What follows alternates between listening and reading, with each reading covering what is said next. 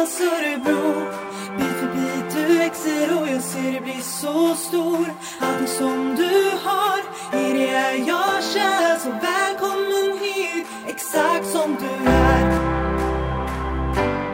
Hej! Och välkommen till tonårstiden. Hur svårt kan det vara? Jag heter Helena. Och jag heter Jessica. Idag har vi bjudit in Karina som jobbar på Stödcentrum för unga brottsutsatta, har jag nu lärt mig att det heter. Jag har nyss bytt namn. Du jobbar inom vår enhet, förebyggande enhet. Välkommen hit! Mm, tack så mycket! Mm. Vill du berätta lite Karina vad ni gör på Stödcentrum för unga brottsutsatta? Ja, vi jobbar ju med att träffa ungdomar då 12 till och med 20 år som har varit utsatta för någon typ av brott. Och det handlar ju om stödsamtal, att ta hand om, prata om hur man mår och vad som händer med när man blir utsatt för ett brott. Mm. Eh, vad är det för typ av brott som man har varit utsatt för oftast när man söker till dig? Eller vad har man... När söker man? Oftast? Ja, de ungdomar vi kommer i kontakt med det är ju antingen att man har eh, varit hos polisen och polisanmält ett brott och, och de frågar där om man är behovet av stöd. Så då, då, kan man komma den vägen, att man via polisen eller också utav någon kurator man har berättat att man var utsatt för något, någon typ av brott. Och, för det behöver ju inte vara polisanmält, de vi träffar. Man behöver inte ha gjort en polisanmälan utan det är ungdomens känsla själv av att vara utsatt för ett brott. För ibland kan det ju vara så att man har hamnat i en situation och man vet inte riktigt om man vill polisanmäla. Och det kan handla om sexuella övergrepp, eh, olika typer av utsatthet. Det kan till exempel vara via nätet. Mm. Mm. Så det kan vara alla typer av brott som sex som du säger? Så det, ja, all, alla typer mm. av brott. Kanske de vanligaste brotten är väl de eh, som jag kommer i kontakt med. Det kan ju vara misshandel, rån och eh, olika typer av sexuella övergrepp. Eh, ungdomar sa du. Vilken ålder? Mm. Från 12 till och med 20 år. Då har vi också flera i kommunen som jobbar med eh, brottsutsatta. Bland annat barnahus som vänder sig till dem i lägre ålder. Så att, men jag skulle säga att de vi träffar är mellan 15 och 20. Och det är väl mer kanske en mer rättvis eh, bild av dem vi träffar. Mm. Um, du kommer komma in lite närmare på det lite längre fram här nu men ändå det drabbar ju hela familjen på ett eller annat sätt om en ungdom har blivit utsatt för ett brott. Ja. Men kan föräldrar få stöd och, och sånt också? Eller höra av sig till, till er? Ja, vi har ju möjlighet också, eller ja, vi vänder oss också till föräldrar och ja, hela familjen. Och även då om man är vittne till ett brott, att man behöver få prata med någon om hur, hur man mår och vad som händer. För det är ju så att händer, blir man utsatt för någonting, det är ju en, en traumatisk händelse att bli utsatt för någonting. Och det spiller ju över i hela ens liv, i det, van, det vanliga livet. Med skola, hur man orkar med och hur man fungerar. Och det påverkar ju även familjen då, för det är de som man lever i tillsammans med. Så mm. det, det, påverkar. Många gånger som förälder är man ju såklart orolig hur det ska bli och vad som händer och, och man har en egen rädsla mm. som man eh, kanske behöver få prata om. Mm. Men hur gör man om man vill komma i kontakt med dig? För du sa ibland så kan du få från eh, polisen eller att det är polisanmälda brott. Är det polisen då som tar kontakt med dig eller är det ungdomen själv som tar kontakt? Eller ser det lite olika ut? Ja, det ser ju lite olika Dels kan det vara att polisen skickar ett brev då att den här uh, ungdomen vill ha stödkontakt och har tackat ja i ett uh, ja, en träff hos polisen då, tackat ja och att jag får ett nummer och ringer upp och hör av mig. Mm. Eh, jag vet också att de skickar ut papper där det står vart man kan vända sig så att de kan ringa själva. Eh, eller också kan det vara att man har pratat med en kurator på skolan. Någon som känner till att vi finns så att man får den ingången. Eh, att man kan också bli hänvisad från till exempel Knuffen som också har broschyrer där på oss och vet vilka vi är. Mm. Men om man som ungdom har varit utsatt för ett brott, hur kan man må efteråt? Vad, vad ser du när de kommer till dig? Ja, eh, när man var utsatt för ett brott så är det ju den, eh, man brukar prata om att i första fasen att man är i en chock. Och då, då är det inte helt ovanligt att ungdomar uttrycker att de känner ingenting alls. Och det är för att man har inte börjat känna någonting utan man är i, i det som du säger sig själv, man är i chock. Man, man kanske inte känner någonting, man är alldeles tom. Eh, efter den fasen hamnar man i en reaktionsfas. Det är då känslorna kommer. Och ibland blir man väldigt rädd för att det, det är väldigt starka känslor. Och det, det vanligaste som jag mött är ju att man är väldigt ledsen eller väldigt arg. Mm. Eh, att man, man, det förstärks kanske en känsla som man hade innan förstärks väldigt. Man, och det ges ju uttryck då eh, mestadels hemma. För det är där man är trygg och, och, kan liksom visa sina känslor. Man kanske håller ihop i skolan men sen när man kommer hem så, så brister det. Eh, och efter den fasen så, så hamnar man ju i en bearbetningsfas. Det, det är då man börjar kanske fundera på och lägga skulden på sig själv, att man har blivit utsatt. Att fundera på, hade jag gjort på ett annorlunda sätt hade inte det här hänt. Mm. Eh, exempelvis att, att jag gick på den där festen och blev utsatt på det här sättet. Hade jag inte gått dit så hade det aldrig hänt. Eller så. Och att man efter då den sista fasen är en nyorienteringsfas och man brukar prata om det här tar ungefär ett år. Det är då man kan gå vidare och liksom leva mer som man gjorde innan fast man har ju den här händelsen med sig. Mm. Men att man kan leva vidare med den. Mm. Kan det vara så under den här äh, reaktionsfasen, tänker jag, som du säger, att man kanske blir arg, visar ilska och sådär, att det också blir konflikter hemma under den perioden mer, eller att det blir liksom, att det kan bli en konsekvens? Ja, eh, det är väl där man märker kanske om man har valt att inte säga någonting hemma, att man har varit med om någonting, då, då märker ju de närstående att det är någonting med en. Mm. Om man hamnar i konflikt kanske med, med allt och alla. Eh, och man är väldigt arg. Sen är det ju, jag skulle säga kanske man är mer, mer ledsen. Mm. Mer eh, att man går undan och, och låg. Och det kan ju också som förälder, man vet inte. Och i de där föräldrarna vet om att det, det har hänt så, så är det ju också att när du är i en chock att du kanske inte ens känner något. Då är ju alla andra med att det har hänt. Mm. Och alla andra reagerar. Det känns som att det går snabbare. Där är man ju redan i att man reagerar. Man kanske skriver på olika sociala medier och man får väldigt mycket Ja, man skickar hjärtan hjärtan och man tänker och man är väldigt inne i det att man har, det har hänt någonting. Eh, sen när det har fått gått en tid då har ju de andra så att säga gått vidare och man själv reagerar och blir väldigt ledsen. Och då är det ibland upplever jag att man tycker att det är ingen annan som, för då, då har man kommit fatt och reagerar. Så då kanske man egentligen är mer mottaglig för det här stödet som man fick i början när man inte riktigt Ja, och det är väl det som är att jag, jag brukar då när man kommer och man tar kontakt och det har hänt att eh, För det handlar ju också om att man ska ha en de ska känna sig bekväma och komma och prata med mig eller mina kollegor. Att man mm. känner att ja, men det här är någon som jag kan prata med. Och då har man ju haft första kontakten och också att man vet ingångar och kunna ta kontakt sen när man behöver. Det, och att man så det är, kan absolut vara så att man behöver prata senare, inte just kanske när det hände. Nej.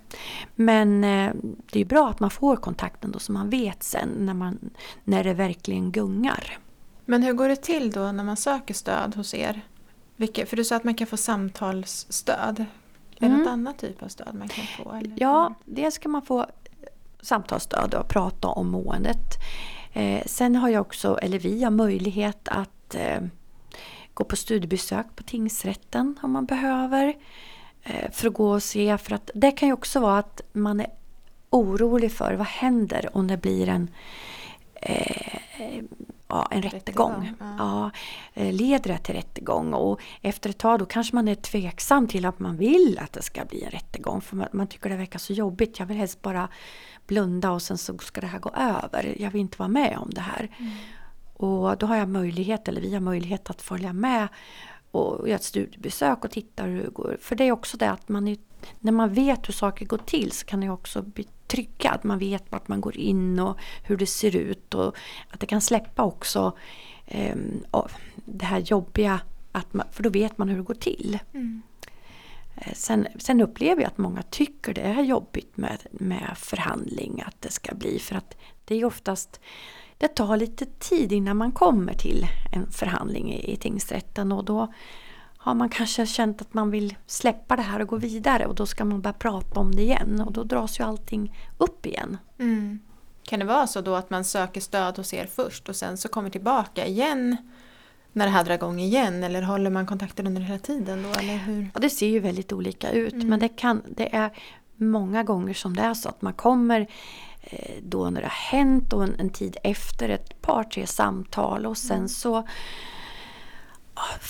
man har Många har ju ett bra socialt nätverk, man har andra att prata med och man är ganska tryggad. Så att, och då är man inte i behov utav den typen av stöd och kanske prata med mig eller med min kollega. Utan man då Sen när det kommer att man får ett brev från tingsrätten att det kommer bli en förhandling.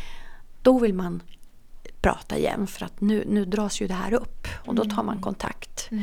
Och det är då man kan oftast gå iväg och, och ett studiebesök och sen också att jag kan vara med på utifrån möjlighet ska vi säga i tid men jag brukar försöka frigöra mig så att jag kan vara med på under på förhandling också sitta med. Mm. För att man kunna prata om det efteråt. Hur, hur blev det? Hur kändes det? Har man några frågor? Händer det att, för det är ju inte alltid att det går till förhandling utan att ärenden läggs ner. Mm. Händer det att man, ungdomar hör av sig till, till er då för att Mm. prata om det? För det, det drar ju också upp en massa känslor tänker jag. Ja. Och, eh, och det är ju samma sak där att man får prata om det och sen hur man kan hjälpa till. Mm. Att man kan ta kontakt med, med polisen, att de kan förklara i sådana fall varför man lägger ner.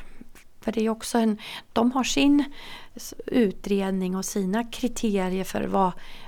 För man väcker ju inte åtal om man inte tänker att man får en fällande dom. Utan de ska ha så mycket på att man får en fällande dom. Och, och ibland är det ju så att man inte har vittnen som kan ja, bekräfta att det har hänt. Att det, man vet kanske att det här har hänt men du kan inte bevisa att det har hänt. Mm. Men också att man kan få det förklarat för sig. Mm. Mm. Ja, för det tror jag kan, det måste vara jätteviktigt att få veta varför Mm. det inte händer något mer. Mm.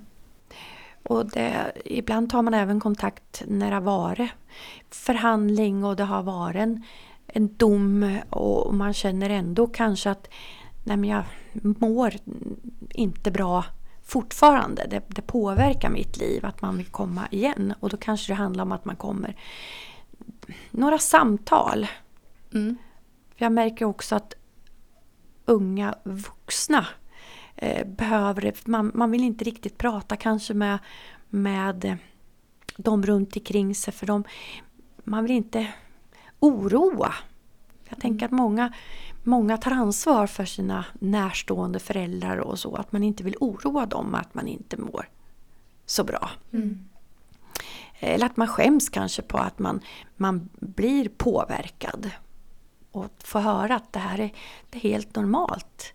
Mm. Att man kanske mår så här den, en period efteråt. Det här, man går igenom olika saker, de här faserna. Och, och kunna prata om hur andra upplever märker jag att det, det hjälper. Att man, för man upplever oftast att man är själv av de här känslorna. Mm. Ja, och jag kan tänka mig det. Så för, som du var inne på förut, att det här tar ju tid. Att gå igenom Mm. alla faser och, det, och som du sa att eh, nära eh, i början så är de mer förstående och ja, men, ger stöd. Och sen att risken finns då. Som sagt att man tycker att ja, men nu har det ju gått en tid. Då borde ju den som har varit utsatt kunna gå vidare.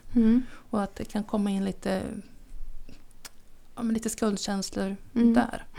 Att jag kommer inte vidare utan jag går och mal på det här men Mm. att de andra har tröttnat. Mm. Ja. Och en del ungdomar upp, uttrycker också att de känns som att de får ett straff själva för att de har varit utsatta. Eh, Kanske att man blir mer begränsad att vara ute. För det Mm. handlar ju om omsorg, att föräldrarna är oroliga att det ska hända något igen. Och, och då krymper man kanske den här ytan som man har haft då som tonåring när man är i en frigörelseprocess. Att man ska mm, frigöra sig från sina föräldrar. Plötsligt så har man dragit tillbaka. Att man har mer kontroll på sig själv. Att en del ungdomar har uttryckt att det är inte jag som ska ha Men det handlar ju om att man som förälder är orolig. Mm. Eh, Och kunna herbergera det också som förälder. För det är man, man är orolig för sina barn. Och, man, eh, och, och har det hänt något det, då blir man ju ännu mer orolig. Mm. Så- ja, jag såklart. tänker att man som förälder gör allt för att skydda sitt barn. Och som du säger, det kan Mm. innebära att man kanske inte vill att de ska vara ute sent på kvällen eller ja, men att man begränsar till viss del vad de får Mm. göra och Mm. inte göra. Mm. Precis, ren omtanke. Mm.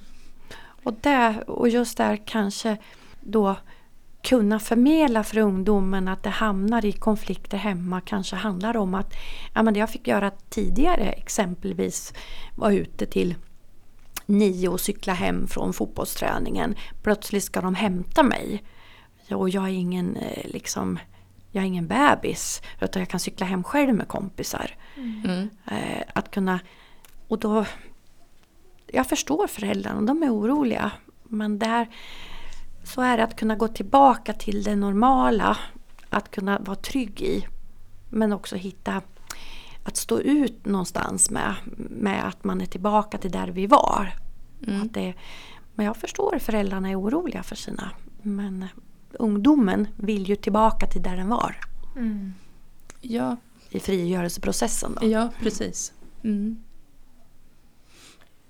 Har du något tips till föräldrar hur man ska tänka eller hur ska man göra om man har en ungdom som har varit utsatt för brott? Det här är en sak tänker jag, att liksom tänka på att inte kanske begränsa för mycket och försöka herbergera sina egna känslor. Liksom, för Ja, att- mycket handlar ju om, om att vara, eh, som det är med tonåringar överhuvudtaget, det handlar ju om att vara närvarande. Mm. Att kanske inte fråga varenda dag, hur mår du? För de är svårt att, att, svara på det, utan mer att man är närvarande, att man bjuder in till eh, ja, vardagligt. Kom, ja, vill hänga med och kolla på film? Vi sitter och man är närvarande utan att ställa frågan hur mår du, hur känns det? För man kan inte alltid redogöra för det. Nej. Eh, jag brukar säga när man överhuvudtaget när man jobbar med ungdomar ibland eh, ja, göra saker tillsammans, att eh, umgås, eh, att försöka vara här och nu. Jättebra tycker jag att åka bil. Speciellt nu i, när det är lite mörkt. Kanske berätta om sig själv och sina egna funderingar. Om man kommer ihåg när man var ung att jag tänkte så här. Att, för det är ju också att man blir... För i frigörelseprocessen som ungdomar är så är vi ju föräldrar lite konstiga. Vi har ju inte gjort något eller förstått något. Mm. Och, och det är Nej, precis. normalt. Mm. Alltså vi, vi har Vi är ufon. Mm. vi är ufon, ja. Eh, Men i det kunna...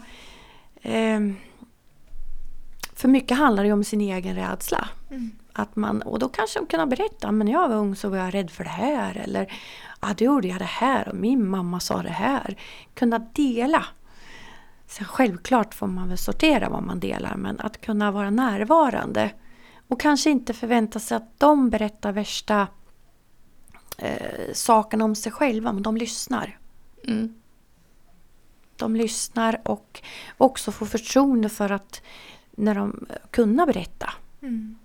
Mm. Mycket handlar om närvaro, att vi, att vi tar oss tid. För när ungdomarna har tid, det är lite det här, när ungdomarna har tid att prata då, ska vi vara tillgängliga. Mm. Inte, inte just nu utan vi tar det sen. För det lilla ögonblicket som kanske är, det kanske inte kommer tillbaka.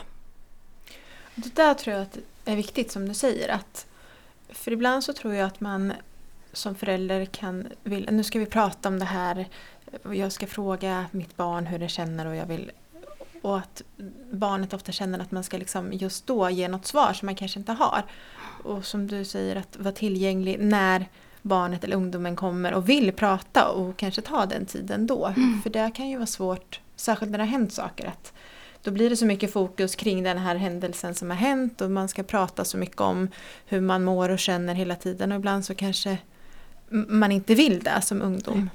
Att också inte kräva kanske att man ska få ett svar alltid utan visa mer att vill du prata om det här så lyssnar jag. Eller Mm. vill du berätta hur du känner så vill jag gärna lyssna. Men inte liksom kräva att nu måste du berätta för mig hur du känner och hur du mår. För det kan jag uppleva att många ungdomar tycker är svårt. Mm. Att man får en Mm. slags prestationsångest nästan. Att nu ska jag sitta här och förklara någonting som jag inte ens vet själv hur jag mår eller vad jag tycker. Nej. Precis. Och det här att ehm, en del, ja vi äter till middag tillsammans och då är en del ungdomar säger det är som ett korsförhör. Mm. Då ska man sitta vid bordet, man ska äta och sen, sen ska föräldern ställa en fråga, hur mår du? Och så ska man redogöra för det. Mm. Eh, hur har du haft det i skolan? Eh, hur är det? Bra? Mm, ja. Och man pratar inte utan det är som ett litet förhör upplever ungdomarna. Som ibland kan faktiskt spilla över på att man kanske inte ens är intresserad av att sitta med vid bordet. Man kanske struntar i att äta, man vill inte delta. Eh, och plötsligt så har man kanske hamnat i att ja, men jag kan ju låta bli maten. Att det blir lite kontroll över sitt mående, att man struntar i maten. Mm. Mm, Att man gör det lite trevligt, man behöver inte utan låta Istället för att man som förälder, men nu har betat av de här frågorna, nu, nu, nu kan jag släppa det. Mm. Prata om andra saker och också gör saker som är tryggt. Jag har märkt med, med tonåringar att, att prata kanske om saker som man gjorde tidigare, trygga saker. Mm. Titta på någon gammal film. Tryggt som man gillade när man var yngre. Man kanske tycker lite, säger att åh larvigt, men jag tror, jag får en känsla att ungdomar tycker ändå det är tryggt. Mm. Där man känner igen. Eh, likadant just det här att man bjuder in och pr- pratar kanske mer om sig själv. Utan att kanske prata själviskt men mer om sina egna upplevelser. Här kunde jag, för vi kommer ju ihåg saker när man var liten. Just att bjuda in till att vara närvarande. Mm. Och det tänker jag, idag är det här en, för många nästan en, en bristvara. Det är ju tiden. Mm. Det Och kanske skapa tillfällen där man kan Ja, få till de här samtalen eller, prata, eller öppna upp för att kunna prata. Ja, och inte låta bara middagen vara. Eller det ska Mm. inte vara enda tillfället. nej. Utan att middag, ja, men, för jag kan tänka mig att en del föräldrar tänker att ja, men nu ska vi äta tillsammans, nu ska vi prata. Man försöker att få det till en lugn, trevlig, gemensam stund. Och sen så blir det inte så bra alltid. Men som ni säger, att man liksom bjuder in vid andra tillfällen. Mm. Med bara kanske en, en av föräldrarna. Eller det är inte så mycket folk, inte Nej. hela familjen kanske på en gång. Och inte så uppstyrt. Mm. Nej, för det som också kan det är ju att man är man utsatt för ett brott och det blir oroligt i familj. Det påverkar ju även syskon Mm. och kanske då småsyskon som inte har riktigt eh, alltså uppnått en mognad men att de är rädda. De vet att något har hänt och alla är ledsna och man, man inte riktigt förstår. Det påverkar ju också de små barnen att, att det händer något. Eh, till exempel att man blir rånad. Och man förstår fragment utav det som har hänt men att man inte riktigt... Så det påverkar ju även dem. Man får hitta en lagom balans. Vet du, ordet lagom som Ja. jag har här. Nej, men det är ju det att försöka då kanske informera, berätta för småsyskonen att det, att har hänt någonting men inte skrämma upp dem. och sådana saker också. ja. Så att, eh, men det påverkar ju som du säger hela familjen på ett eller annat sätt. Mm. Vi träffar ju många föräldrar, pratar med många föräldrar som har en oro för just utsatthet på nätet. Är det någonting som du märker av när du möter ungdomar?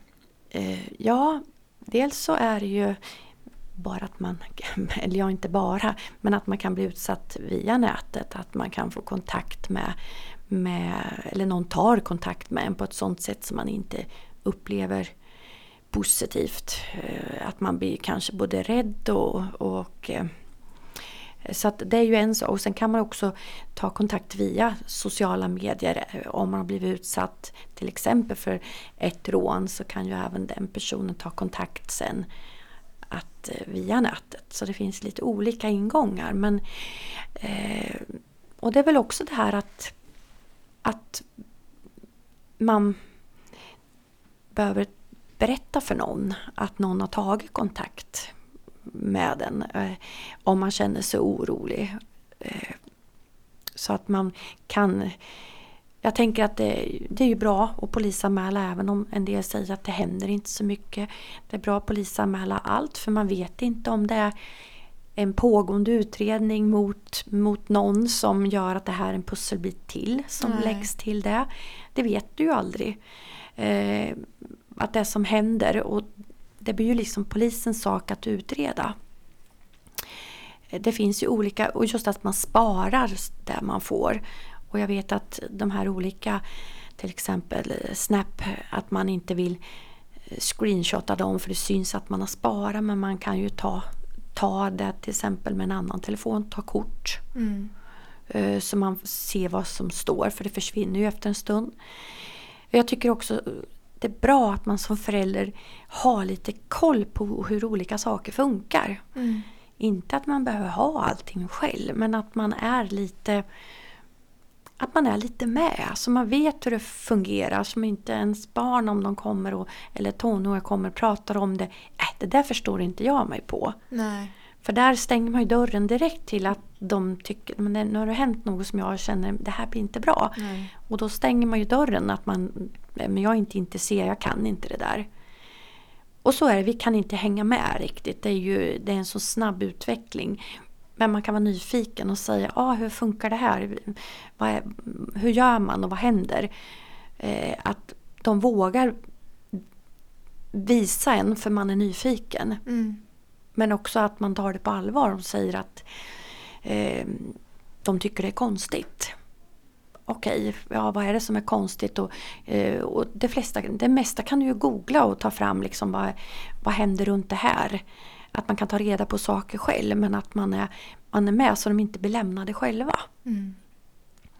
Och jag har, kommer i kontakt med, med ungdomar som har det kommer ganska kontinuerligt ungdomar som har varit i kontakt med andra och, och som man kanske har skickat en lättklädd bild för att någon har tagit kontakt och, och efter ett tag mer eller mindre hotar om att om inte du skickar en bild så kommer jag göra det här. Mm. Eh, och att man blir rädd och skickar mer och plötsligt har man hamnat i ett, i ett virvar utav att man har lovat saker som man gör för man tror liksom att något hemskt ska hända. Men att man kan bryta det med att ta hjälp av vuxna. Mm. För det är också det att bara du delar sen, för det ser vi idag på ungdomar att man, man filmar och lägger ut brott. Eh, slagsmål och uppgjorda saker som man lägger. Där vi skickar iväg, så att säga, där vi trycker iväg ut, där får vi ju inte tag i något mer. Nej, det, det finns det här far iväg mm. och sen har vi ju inget eh, vi har inte kontroll på det längre. Och, eh, och det är också något vi... Det är ju ett, sen är inte jag jättebra på alla brottsrubriceringar, vad som hamnar i vad. Men eh, just att vi får inte kontroll på det längre. Och det är väl det som är en, en av de stora nackdelarna med just nätet. Att man har liksom, man vet det, det kan bli så stort och spridas. Är en bild så kan den spridas till så himla många innan man får stopp på den om man nu får det. För sen vet man ju inte, den är ju kvar där någonstans för alltid. Man har ju ingen aning om hur många det är som har sett eller Nej. delat. Nej, precis. Där. Nej, ja, och, och det är ju att tänka på vad man lägger ut överhuvudtaget. Mm. Eh, och även vi vuxna, vad är det vi lägger ut? Hur skriver vi? Vad, vad sänder vi för signaler? För att det räcker ju att någon screenshotar det jag har skrivit och en bild och delar det vidare. Så att jag skulle säga att man får aldrig taget. Nej. Man kan aldrig stoppa det. Nej. Utan det far iväg. Mm.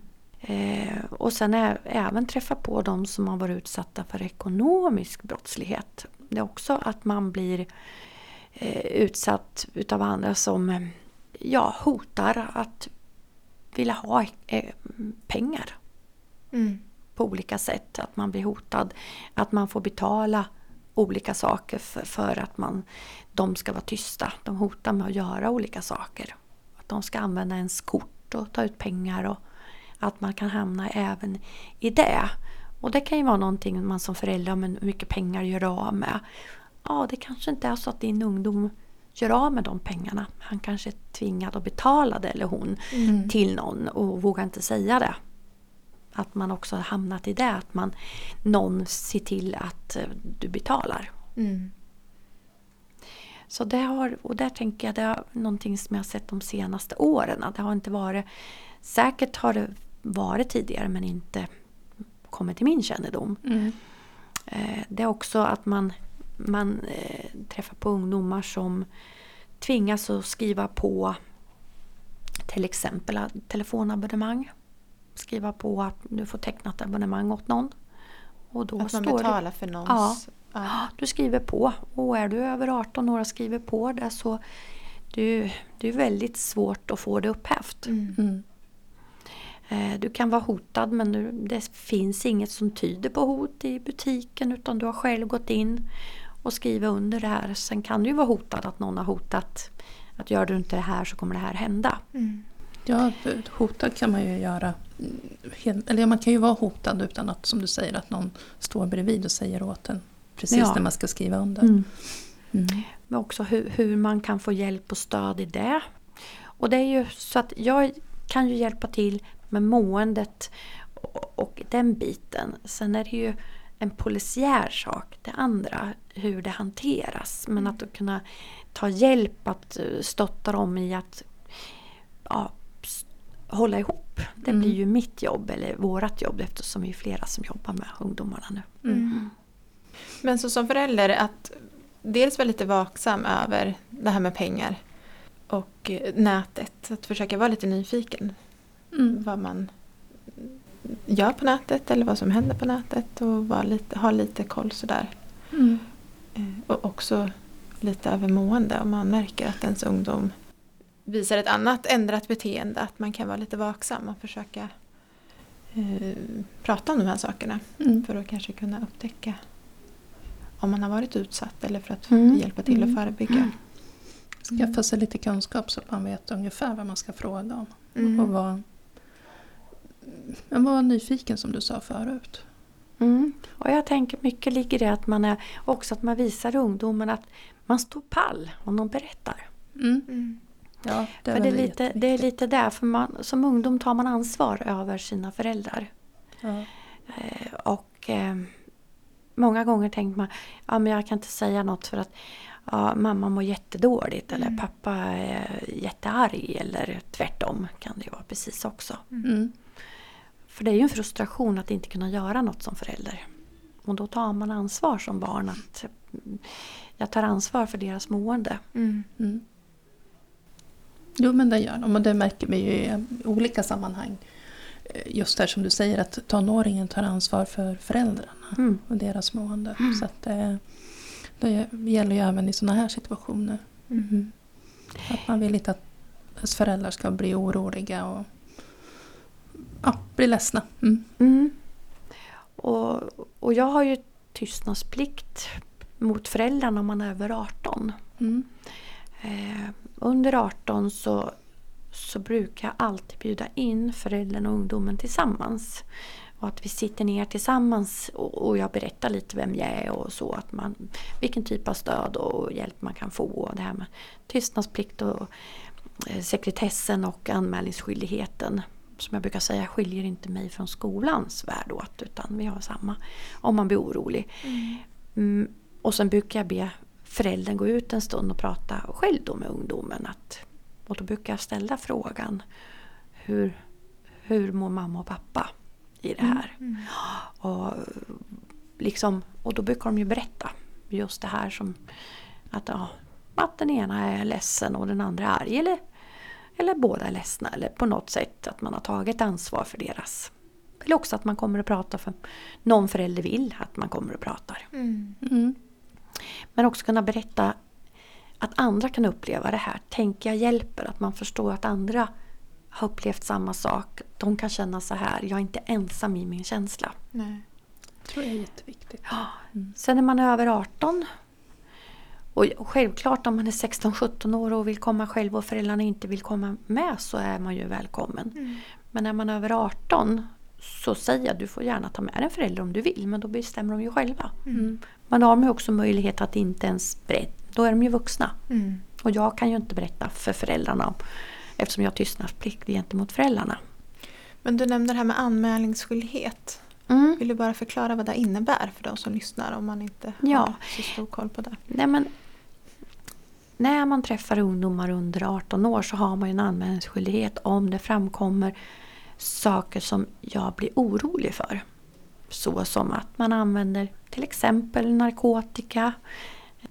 Att man är väldigt utsatt på ett sådant sätt som, som tjän- socialtjänstens eh, utredningsenhet behöver få reda på för att agera på. Vi tillhör ju socialtjänsten vi också men det är ju helt frivilligt att komma till oss. Eh, Men att man behöver... Nu har det inte varit någon sån situation som jag har varit i. Men alla som träffar ungdomar under 18 år har ju det när man möter dem i skola. Och alla vi har ju en anmälningsskyldighet om det framkommer sån oro. Att man blir utsatt för någonting kanske i hemmet. Mm. Det kan ju vara att man inte får det man behöver. Att man är, har det väldigt dåligt. Till exempel. Och det här Eh, handlar ju om att ungdomen riskerar att fara illa om det är Precis. så att den här informationen inte kommer. kommer fram. Mm, precis. Eh, Så att det handlar om att ge stöd. Det Ja. stöd som du inte kan ge. Precis. Jag tycker Mm. det är viktigt. Och, Ja, absolut. Mm. För att det är många som ibland har en oro för den här anmälningsskyldigheten. Ja, Mm. Precis. och, jag, och där har man ju den informationen kommer ju föräldrarna till del om det inte är så att det är föräldrarna som utsätter på ett sådant sätt som man då Annars berättar man ju alltid när man gör en orosanmälan. Mm. Men om det inte är så att det är föräldrarna som är de som är förövare, att de Mm. utsätter sina barn. Då är det skillnad. Men Mm. annars berättar man ju alltid det. Mm. Men det har inte varit någon sån situation som jag hamnat i. Nej. Sen kan det vara att man träffar på ungdomar som är äldre och eh, ja, som berättar att de har använt olika typer av preparat för att må och att det också har kunnat hänvisa att de har kommit igång i att kunna ta tag i, i den biten. Mm. En öppen ingång till att ta tag i olika typer av problem. Så det kan också vara att jag hänvisar vidare, kan hänvisa vidare till psykiatrin, att man uttalar att man mår så dåligt. Mm. Och det är väl en utav det jag behöver, säger man att man inte vill leva så behöver jag ju hjälpa dem vidare för då är det ju inte riktigt hos mig heller om man mår så dåligt. Nej. Om man inte vill fortsätta leva. Mm. Mm. Du nämnde i början att man kunde komma i kontakt med dig via antingen då polisen eller kurator eller något. Mm. Men om man inte har kontakt med dem utan vill Mm. ta direkt kontakt med dig. Mm. Vart hittar man Vi, uppgifter? finns, Mm. vi finns ju under Örebro kommuns hemsida. Mm. Eh, Så vi har ju ett, numret går till mig och sen är vi några stycken nu som jobbar så att jag fördelar till dem, mina kollegor. Men numret går till mig så det är Mm. 019 21 41 02. Mm. Och det finns att söka på Örebros kommuns hemsida. Mm. Under Stödcentrum för unga. Brottsoffer heter det fortfarande på nätet men vi har ju valt att göra om det. Men det kommer även stå där så småningom. Eh, att vi heter Stödcentrum för unga brottsutsatta. För jag tycker det passar bättre än att prata om, om offer. Mm. Mm. Mm. Absolut. Mm. Men vi ska ta avrunda lite men jag tänker bara så här Är det någonting mer som du tänker på att du skulle vilja skicka med de föräldrar som lyssnar? Man får jättegärna ringa och bara fråga om råd om man känner man, har, man är tveksam. För mycket av det här beteendet som vi pratade om, det här med att man är kanske lite mer arg och går undan och så. Det är ju också en del i, i tonårstiden att man frigör sig så ibland är det Mm. svårt att veta vad som blir vad. Mm. Man kan ringa och ställa fråga om råd. Och man kan även få komma och berätta om sin oro, att man känner det här och Mm. hur. Sen är min erfarenhet att de flesta ungdomarna berättar, eller det, om man är tar sig den här tiden och väntar på de här så berättar ungdomar för de klarar inte riktigt av att hålla det till slut. Man måste få berätta det för någon. Så att det är väl min erfarenhet. Men där får vi tacka så mycket för att du kom hit idag. Mm. Tack så mycket. Mm, Mm. Tack så mycket själva. Och tack till er som har lyssnat. Mm. Hej då! Hej då! Hej då! Bit för bit du växer och jag ser dig bli så stor Allt som du har i det är jag kär Så välkommen hit, exakt som du är